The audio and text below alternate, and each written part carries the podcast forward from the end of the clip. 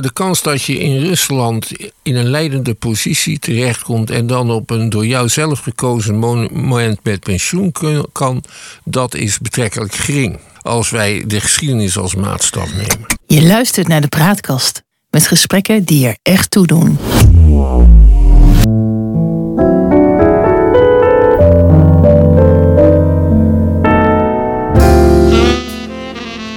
Welkom bij de Praatkast.nl. Dit is een aflevering van het Geheugenpaleis. Mijn naam is John Knierim en samen met Han van der Horst maken we deze podcast. De geschiedenis herhaalt zich nooit, maar rijmen, dat doet hij vaak wel. En dat gegeven gebruiken we in het Geheugenpaleis om dieper in te gaan op de actualiteit. En om zo te ontkomen aan de waan van de dag en om te komen tot de kern van het nieuws. Chaos in Rusland, althans dat is wat men ons doet geloven... Eh, het monster van Frankenstein, uh, Prigozhin, die keert zich tegen zijn schepper, Poetin. Daar lijkt het op. Han, waar zitten wij naar te kijken? Ja, naar iets wat wel vaker voorkomt in de geschiedenis uh, van Rusland. Een, een, een, wisseling van de macht die niet volgens de regels verloopt. En je hebt een aantal wisselingen van de macht die zijn geslaagd. En je hebt een aantal wisselingen van de macht die zijn mislukt. Pardon, hebben... pardon maar jij, jij zegt dus dat we hier te maken hebben met een wisseling van de wacht? Nee, ja, maar die is mislukt. Oh, deze is mislukt. Ja, tenminste, dat denken we nu. Dat denken we nu, ja. Maar God verhoede toch dat, uh, dat Poetin verdwijnt? Nou, God verhoede dat Poetin vervangen wordt door, uh, door deze uh, meneer, deze, ja, deze straat, straatcrimineel. Ja. er stond in de, een Russische krant een interview met een commandant die onlangs nog uitvoerig contact mm heeft gehad met hem. En op een gegeven moment in de was vergadering met een aantal van de mensen van de Wagnergroep. En hij zei van we moeten per dag minimaal duizend nieuwe soldaten aannemen. Toen zei een van de andere aanwezigen eh, van de Wagner... dat is eh, wel een beetje ingewikkeld zoveel op één dag. Nou, en die werd onmiddellijk helemaal in elkaar gehoekt. Echt waar, ja? Ja, ter plekke. En zei die commandant, dat heb ik goed onthouden altijd. Nou, nou dat uh, is wel heftig. Maar even, denk je niet dat, dat uh, het Westen, zowel als China als Iran, uh, gewoon hopen dat Poetin blijft zitten?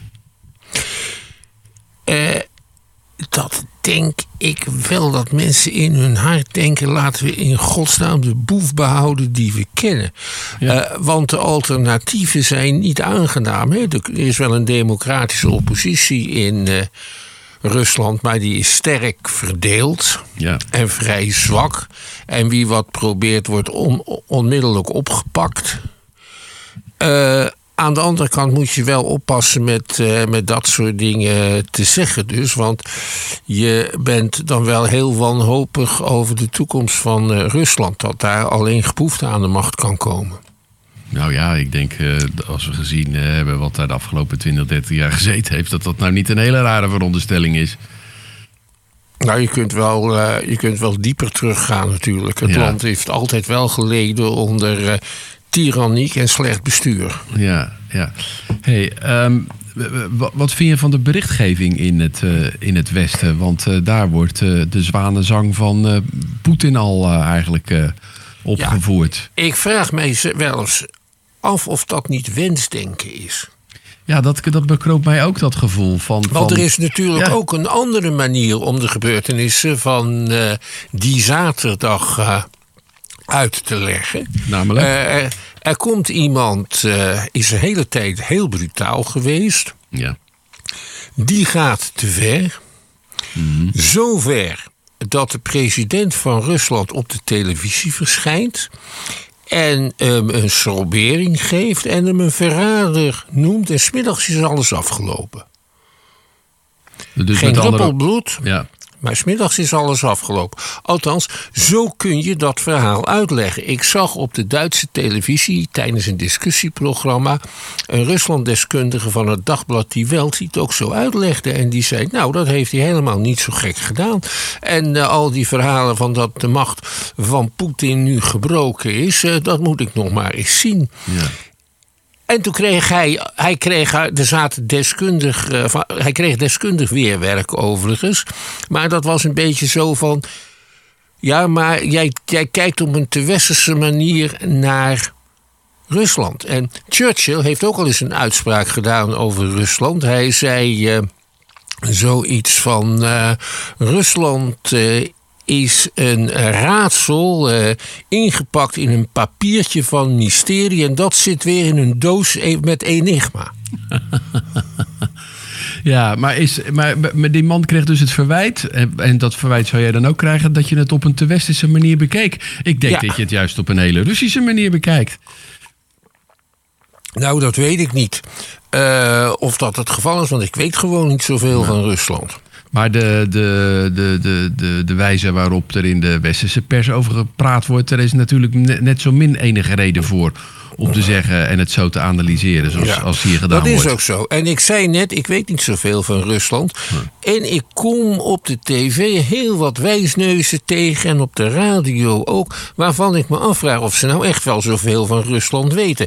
Allerlei Amerikaanse generaals bijvoorbeeld die zeggen, en dit is het moment en nu moet Oekraïne in het offensief gaan. Dan denk ik van nou, Amerikaanse generaals en het winnen van oorlogen. Dat is ook de laatste 70 jaar niet voorgekomen.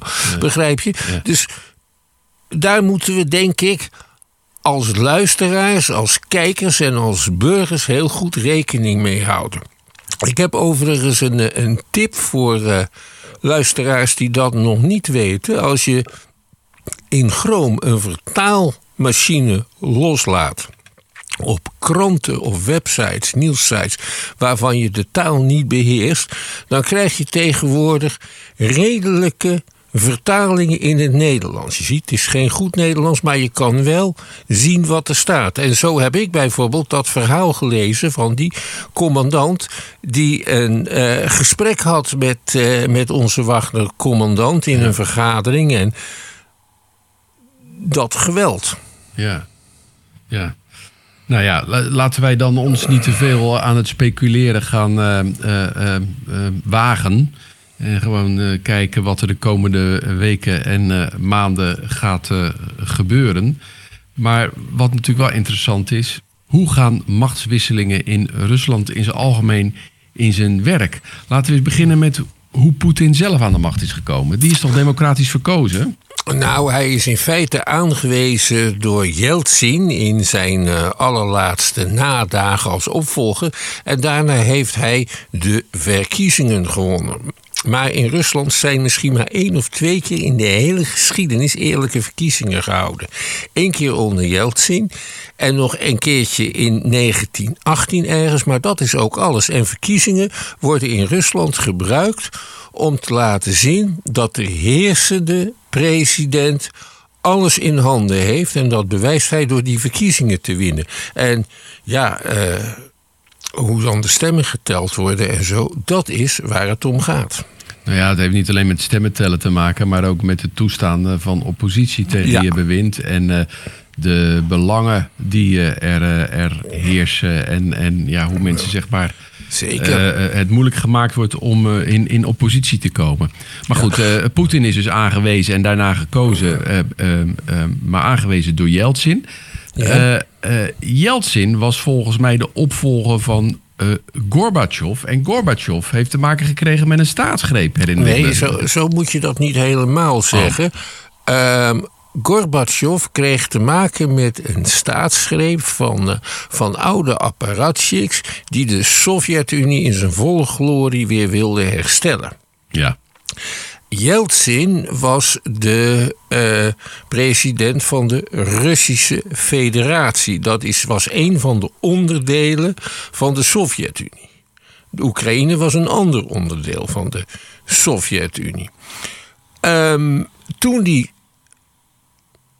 coup mislukt was, dankzij de snelle actie van Yeltsin is de Sovjet-Unie geliquideerd. Ja. Daar in, in 1991 is dan ook de onafhankelijkheid van, uh, van de Oekraïne uitgeroepen. En van een nog een heel aantal andere staten. En een van die staten is het huidige Rusland, de Russische Federatie. Want die bestaat ook weer uit een heel aantal deelstaten. Hè. Ja. Poetin is de dictator, maar qua organisatie lijkt het nogal op de Verenigde Staten. Ja. Maar die, die Yeltsin, om daar even op terug eh, te komen, die heeft er wel voor gezorgd dat er niet een soort burgeroorlog uitbrak. Doordat hij, hij ging op een tank staan en het, eh, het volk toespreken. En, de, en uiteindelijk hebben de militairen zich achter hem geschaard. Ja. En is op een ja, wat georganiseerde wijze dat land, zeg maar, gedeconstrueerd. Zou je dat zo kunnen Ja. zeggen? Zo kun je dat wel zeggen. Ja. En toen heeft hij in 1993 nog een keer problemen gekregen. In dat kader heeft hij het parlement door het leger laten eh, bezetten en leegjagen. Ja. Hè, dus dat, dat wil allemaal nogal. Ja. En dit is geen uitzondering in, eh, in de geschiedenis van Rusland. Nee, en, en ehm, ja, dat ging dus wel wat gepaard met eh, wat machtsvertoon. Dat heeft Yeltsin dan ja, in die zin goed weten te leiden. Maar die zal dan wel het verwijt krijgen dat hij de Sovjet-Unie uiteen heeft eh, laten eh, vallen. Die, die Gorbachev die wordt hier in het Westen gezien als een held. Die kwam, ja, zeg maar, ja, dit is eigenlijk de man die van de perestroika en de glasnost toen Rusland bijna failliet was en echt bijna bezweek onder ja, eh, eh, honger en slechte economie. Eh, toen heeft hij de macht gekregen. Hoe is dat in zijn werk gegaan? Nou, gewoon netjes volgens de regels. Brezhnev die was zo ongeveer in het harnas gestorven. Die was toen- aan de macht gekomen in 1964 volgens mij. Hè? Precies, in 1964. Toen was het al iemand van meer dan middelbare leeftijd. Dus op den duur bestond de top van de Sovjet-Unie uit een groep verschrikkelijk oude mannen. Het lijkt een Eh, beetje op eh, Amerika. Daar lijkt het ook heel erg op. Dat is inderdaad een, eh, een feit. Het is ongeveer die leeftijd. Ja. Toen is hij nog door twee andere mensen kort opgevolgd, die eigenlijk ook ja, opgewarmde lijken waren. En toen heeft men iemand uit de jongere generatie gekozen. Hè. Dat deed de partij dan, Ja. de communistische partij. En dat was Gorbachev. En men besefte niet wat men daarmee in huis haalde. Want Gorbachev was van mening dat de Sovjet-Unie geliberaliseerd en gemoderniseerd moest worden. Want anders zou de Sovjet-Unie onder zijn eigen gewicht ineenzakken. Ja. Dus heeft hij de teugels gevierd. En die zijn hem, heeft hij, die zijn hem dan ook totaal ontglipt. En het is een rotzootje geworden, intern bestuurlijk. En De commando-economie die werkte bijvoorbeeld niet meer. En er was nog niks voor in de plaats gekomen. Wat bedoel je met de commando-economie? De communistische economie, waarbij jaarlijks werd bepaald wie wat moest produceren enzovoort. En hoeveel, dat werkt, ja. en hoeveel dat werkte slecht. Ja. Maar als dat op een gegeven moment niet meer gehoorzaamd wordt en niet meer functioneert. en er is geen alternatief voorhanden. Ja. dan wordt de situatie eh, heel slecht. Hè? De Sovjet-Unie had er bijvoorbeeld altijd wel voor weten te zorgen. dat er elke ochtend voldoende vers brood was voor iedereen. ja, dat is natuurlijk wel een basisbehoefte. Als je dat dan niet kan regelen, ja. En ze hadden ook een systeem waarbij de prijzen centraal werden vastgesteld. Dat gold voor alle communistische landen. Ja. Uiteindelijk heeft dat in Roemenië ertoe geleid dat daar eh, Ceausescu, die daar de dictator was, eh, zo eh, ja, rond de eh, einde tachtiger jaren. Doordat er, het brood te duur werd, eh, moest hij vertrekken uiteindelijk. eh. Ja, die Ceausescu die dacht nou, we gaan in drie, vier jaar de staatsschuld aflossen. Oh. En dan Ja. moet iedereen de broekriemen aanhalen. Dat was, Dat het idee, behalve hij zelf en zijn vrouw. Hij liet bijvoorbeeld dat krankzinnige paleis bouwen in, eh, in Boekarest. Eh, en nou, toen is de partijleiding, dus mensen onder hem, zijn in opstand gekomen. Ja. Dus van intern eigenlijk. eh. Van intern. En- Overal in het Oostblok Ja. zijn, die, eh, zijn die, die regimes eigenlijk gevallen, vind ik, omdat de leiders er zelf niet meer in geloofden. Ja. Hoe kan je dat dan uitleggen? Want, want, want geloofde Ceausescu bijvoorbeeld er niet meer in? Geloofde Gorbachev er niet meer in? Gorbachev gelo- was aan het hervormen, maar als je gaat kijken in Tsjechoslowakije of in Bulgarije of in Hongarije, dan zie je dat de leiding er niet meer in gelooft of in Polen en het gewoon opgeeft. Ja. Ze zien dat het niet meer werkt en op een gegeven moment stopt men. Ja. Dat is in de DDR tenslotte ook gebeurd. Ja.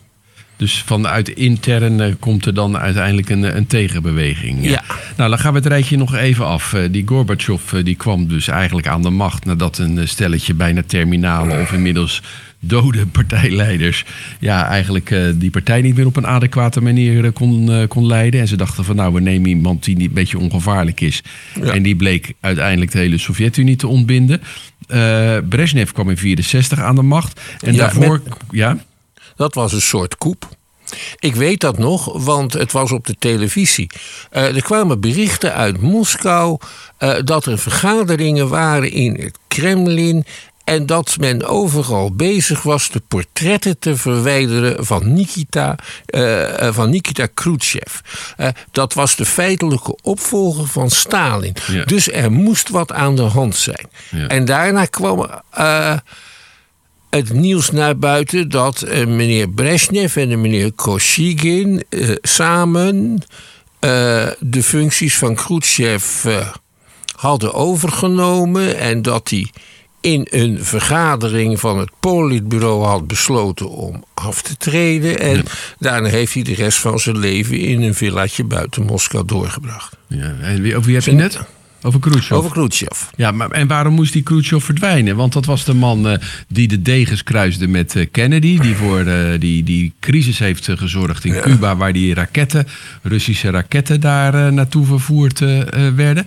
Ehm, hij was de opvolger van Stalin. Wat, wat deed Khrushchev niet goed dat de rest van de partij vond dat hij moest vertrekken? Er waren signalen van een soort liberalisering.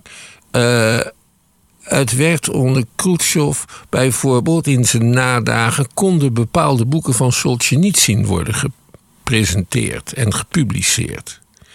En eh, de omgeving van Khrushchev die vonden dat hij de touwtjes niet strak genoeg eh, aantrok. En dat is dan ook na zijn afzetting is dat gebeurd. Hè. Dan krijg je ook de grote tijd van, eh, de, van de dissidenten. Dat in de, uit de- Sovjet-Unie die hun, eh, hun boeken naar buiten smokkelden. Of die gevangen werden gezet. Of die tenslotte door de leiding van de partij werden verbannen. Hè. Dus eh, de, de perscensuur is ook door die Brezhnev weer stevig eh, ehm, opgevoerd. En, en wat was de beweegreden van, van Khrushchev om tot een soort ja, ontspanning te komen in dat land? Ja, dat weet ik niet. Hij was ook een beetje een rare knakker natuurlijk. Ja. Eh, hij, eh, hij hing graag eh, de, de popiopi uit. Dat deed hij bijvoorbeeld ook tijdens een, een bezoek aan de Verenigde Staten. Ehm, er zit een zekere slordigheid in die man en iets anti-bureaucratisch. En dat heeft ongetwijfeld de apparatchiks om hem heen zeer geërgerd. Ja. En die, eh, Khrushchev was ook de man eh, die uiteindelijk de Krim aan, eh, aan de Oekraïne heeft gegeven, toch? Ja, toen die dronken was. Ja, dus er was misschien wel wat reden voor, eh, voor ja, de partijbonds om te zeggen... die man moeten we maar mee stoppen. Want feitelijk hebben we dan daar met die ellende nog steeds te maken hebben. Ja, hoewel dat, daar, ho- hoewel dat daar geen enkele rol in speelt. Want dat heeft hij geloof ik al in 54 of 55 gedaan. En in de praktijk maakte dat verder natuurlijk niks uit. Nee, het hoorde allemaal bij de Sovjet-Unie. Ja. Ja. Nou, die Khrushchev, dus die, die is dan eigenlijk ja, ook vanuit intern eh, dan eh, eh, ja, moest hij het veld ruimen. Khrushchev was de opvolger van eh, Stalin. En, en Stalin is in het harnas gestorven volgens mij. ja, die eh, heeft nog een paar dagen stervend eh, in zijn dacia gelegen... terwijl niemand hem durfde te benaderen... want het kon dan heel slecht met je aflopen. en toen Stalin dood was, was er geen duidelijke opvolger. ja. ja. Eh, er waren drie belangrijke mensen rondom hem. Malenkov, een vergeten apparatchik. Die Khrushchev, waar we het net over gehad hebben. En verreweg de gevaarlijkste, Lavrenti Beria. Dat was het, eh, het hoofd van de geheime dienst. Van eh, wat later de KGB is gaan heten. Eh, een beul, zonder meer. Ook persoonlijk. Ik bedoel, hij was...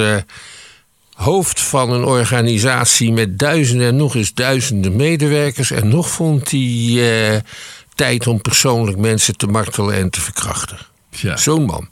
En toen Stalin eenmaal dood was, is die Beria ineens met allemaal voorstellen gekomen om onmiddellijk 1 miljoen mensen vrij te laten.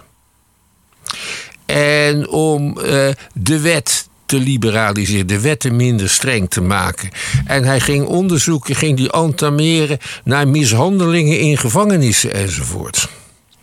Wat hoopte hij daarmee te bereiken? Dat hij populair Eh, zou worden? dat hij populair zou worden en misschien dat hij dan zelf de uiteindelijke opvolger van Stalin kon worden. Maar Khrushchev en eh Malenkov samen die hebben hem in een soort intern proces ter dood laten veroordelen en meteen executeren. Daarna hebben zij een machtsstrijd onderling uitgevochten. Ja. Die eindigde met de overwinning van Khrushchev. En die heeft toen een groot congres van de Communistische Partij van de Sovjet-Unie georganiseerd. Waarin hij min of meer de waarheid heeft gezegd over de misstanden van Stalin. Die heeft hij opgesomd in een hele grote zogenaamde geheime reden.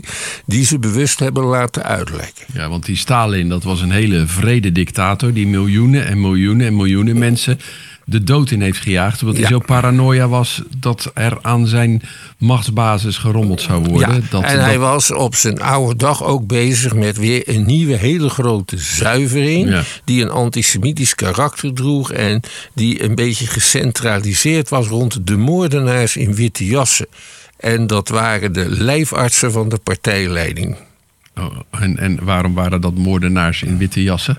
Nou, dat dacht eh, Stalin. Die Oh. dacht dat soort dingen wel vaker. Ja, ja, die was Eh, heel veel. Ja. Verschillende van zijn geheime dienstchefs... die zijn ook uiteindelijk zelf als verraders van de arbeidersklasse ontmaskerd. Ja.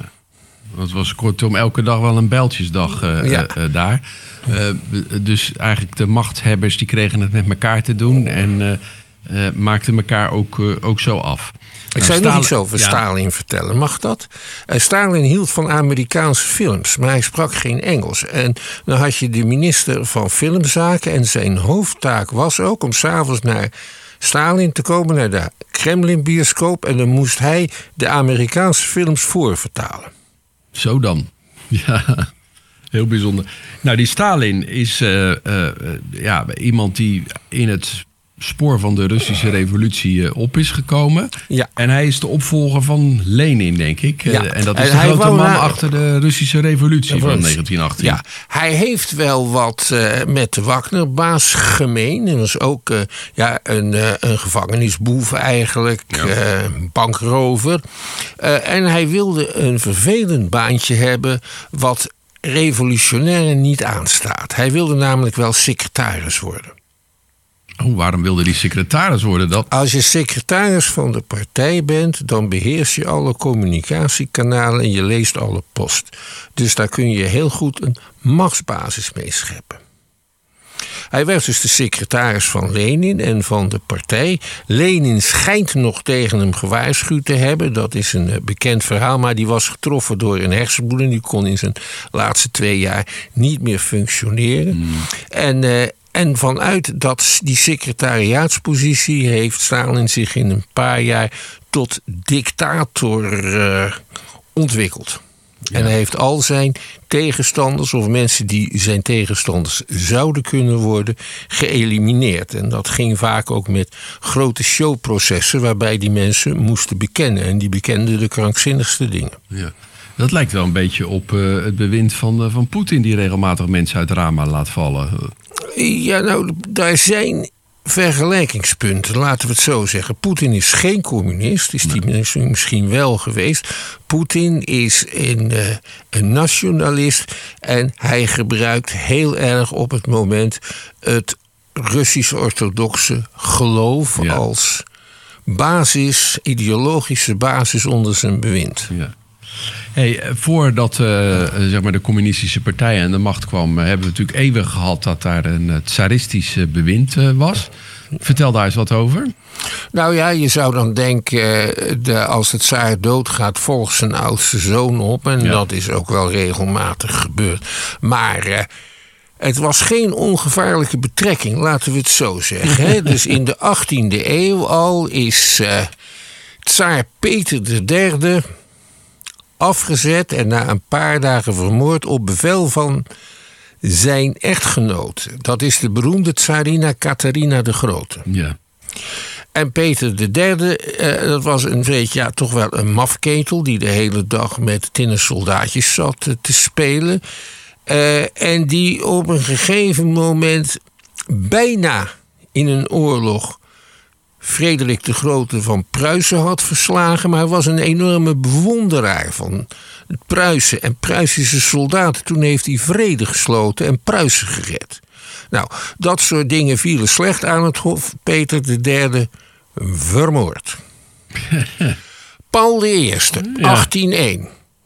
Zoon van die Peter III, opvolger van Catharina de Grote.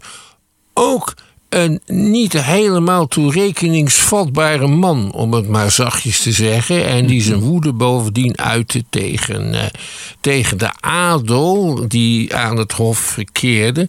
Uh, vermoord met medeweten waarschijnlijk van zijn oudste zoon. Dat is het tsaar Alexander de Eerste.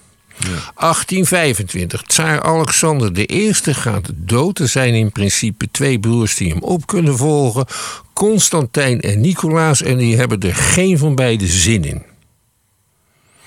Uiteindelijk laat Nicolaas zich bepraten. Hij waarschuwt wel iedereen dat je moet weten waar je met hem aan begint.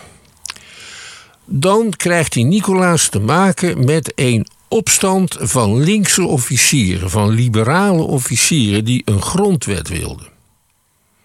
Die heeft Nicolaas I neergeslagen. De leiders zijn geëxecuteerd en uh, tweede categorie naar, naar Siberië verbannen. En Nicolaas I is een van de meest autoritaire tsaren geworden uit hele Russische geschiedenis, want dit overkwam hem niet meer. Ja, ja, ja. Zijn zoon Alexander II was net bezig om een grondwet, een echte grondwet voor Rusland tot stand te brengen. En toen is die in 1891 door terroristen van de Volkswil opgeblazen in zijn koets. Toen ging de grondwet ook niet door. Ja, ja. Nou, hoe het met Nicolaas II en de hele familie is afgelopen in 1918, dat weten we. Die zijn op bevel van. Uh, uh, van Lenin uh, geëxecuteerd.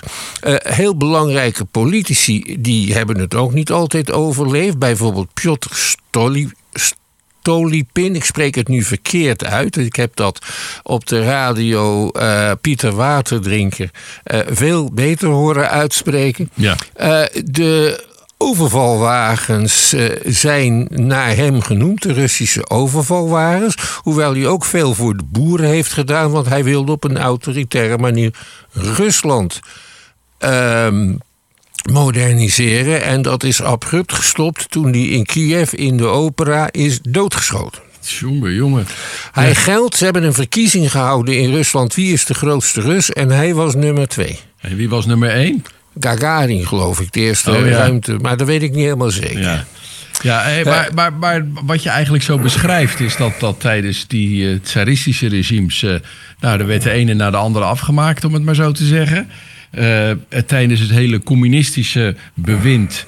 dat was eigenlijk ook geen pretje wat nou uitblonk in, nou ja, in, in, in democratie... of waarin het op een hele vredelievende wijze eraan toe ging. Dat ziet er dan niet goed uit voor Poetin. Nee, nou de kans dat je in Rusland in een leidende positie terechtkomt en dan op een door jou zelf gekozen moment met pensioen kan, dat is betrekkelijk gering. Als wij de geschiedenis als maatstaf nemen. Nou, misschien eh, moeten we met die conclusie dan uh, deze, deze gebeurtenissen van de afgelopen tijd in uh, Rusland dan ook proberen te duiden. ja, en dan kom je tot de conclusie dat het heel moeilijk is om te voorspellen welke kant het nou op gaat. Ja.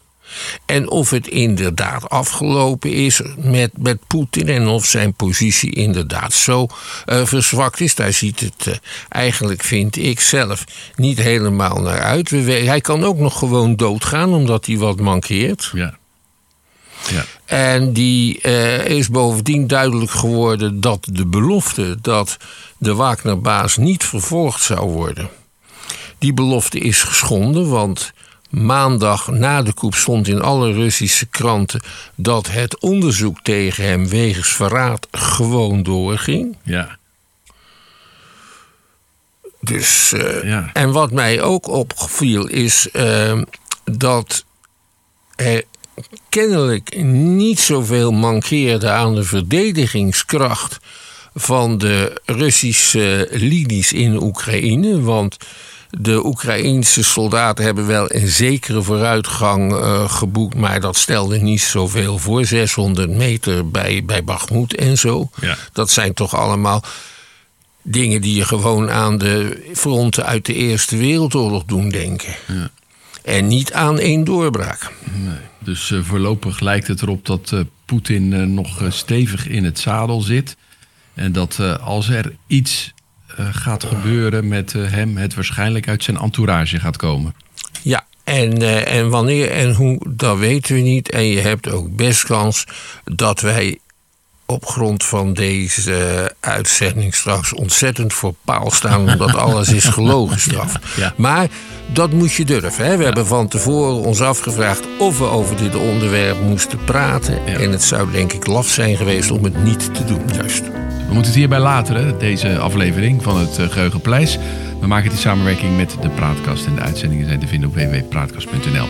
Abonneren op onze podcast kan in de podcast-app die je gebruikt. Krijg je automatisch een bericht wanneer een nieuwe aflevering online komt. En wil je ons mailen, stuur een bericht aan info.praatkast.nl. Voor nu bedankt voor het luisteren en tot de volgende keer. Wees gelukkig, blijf gezond.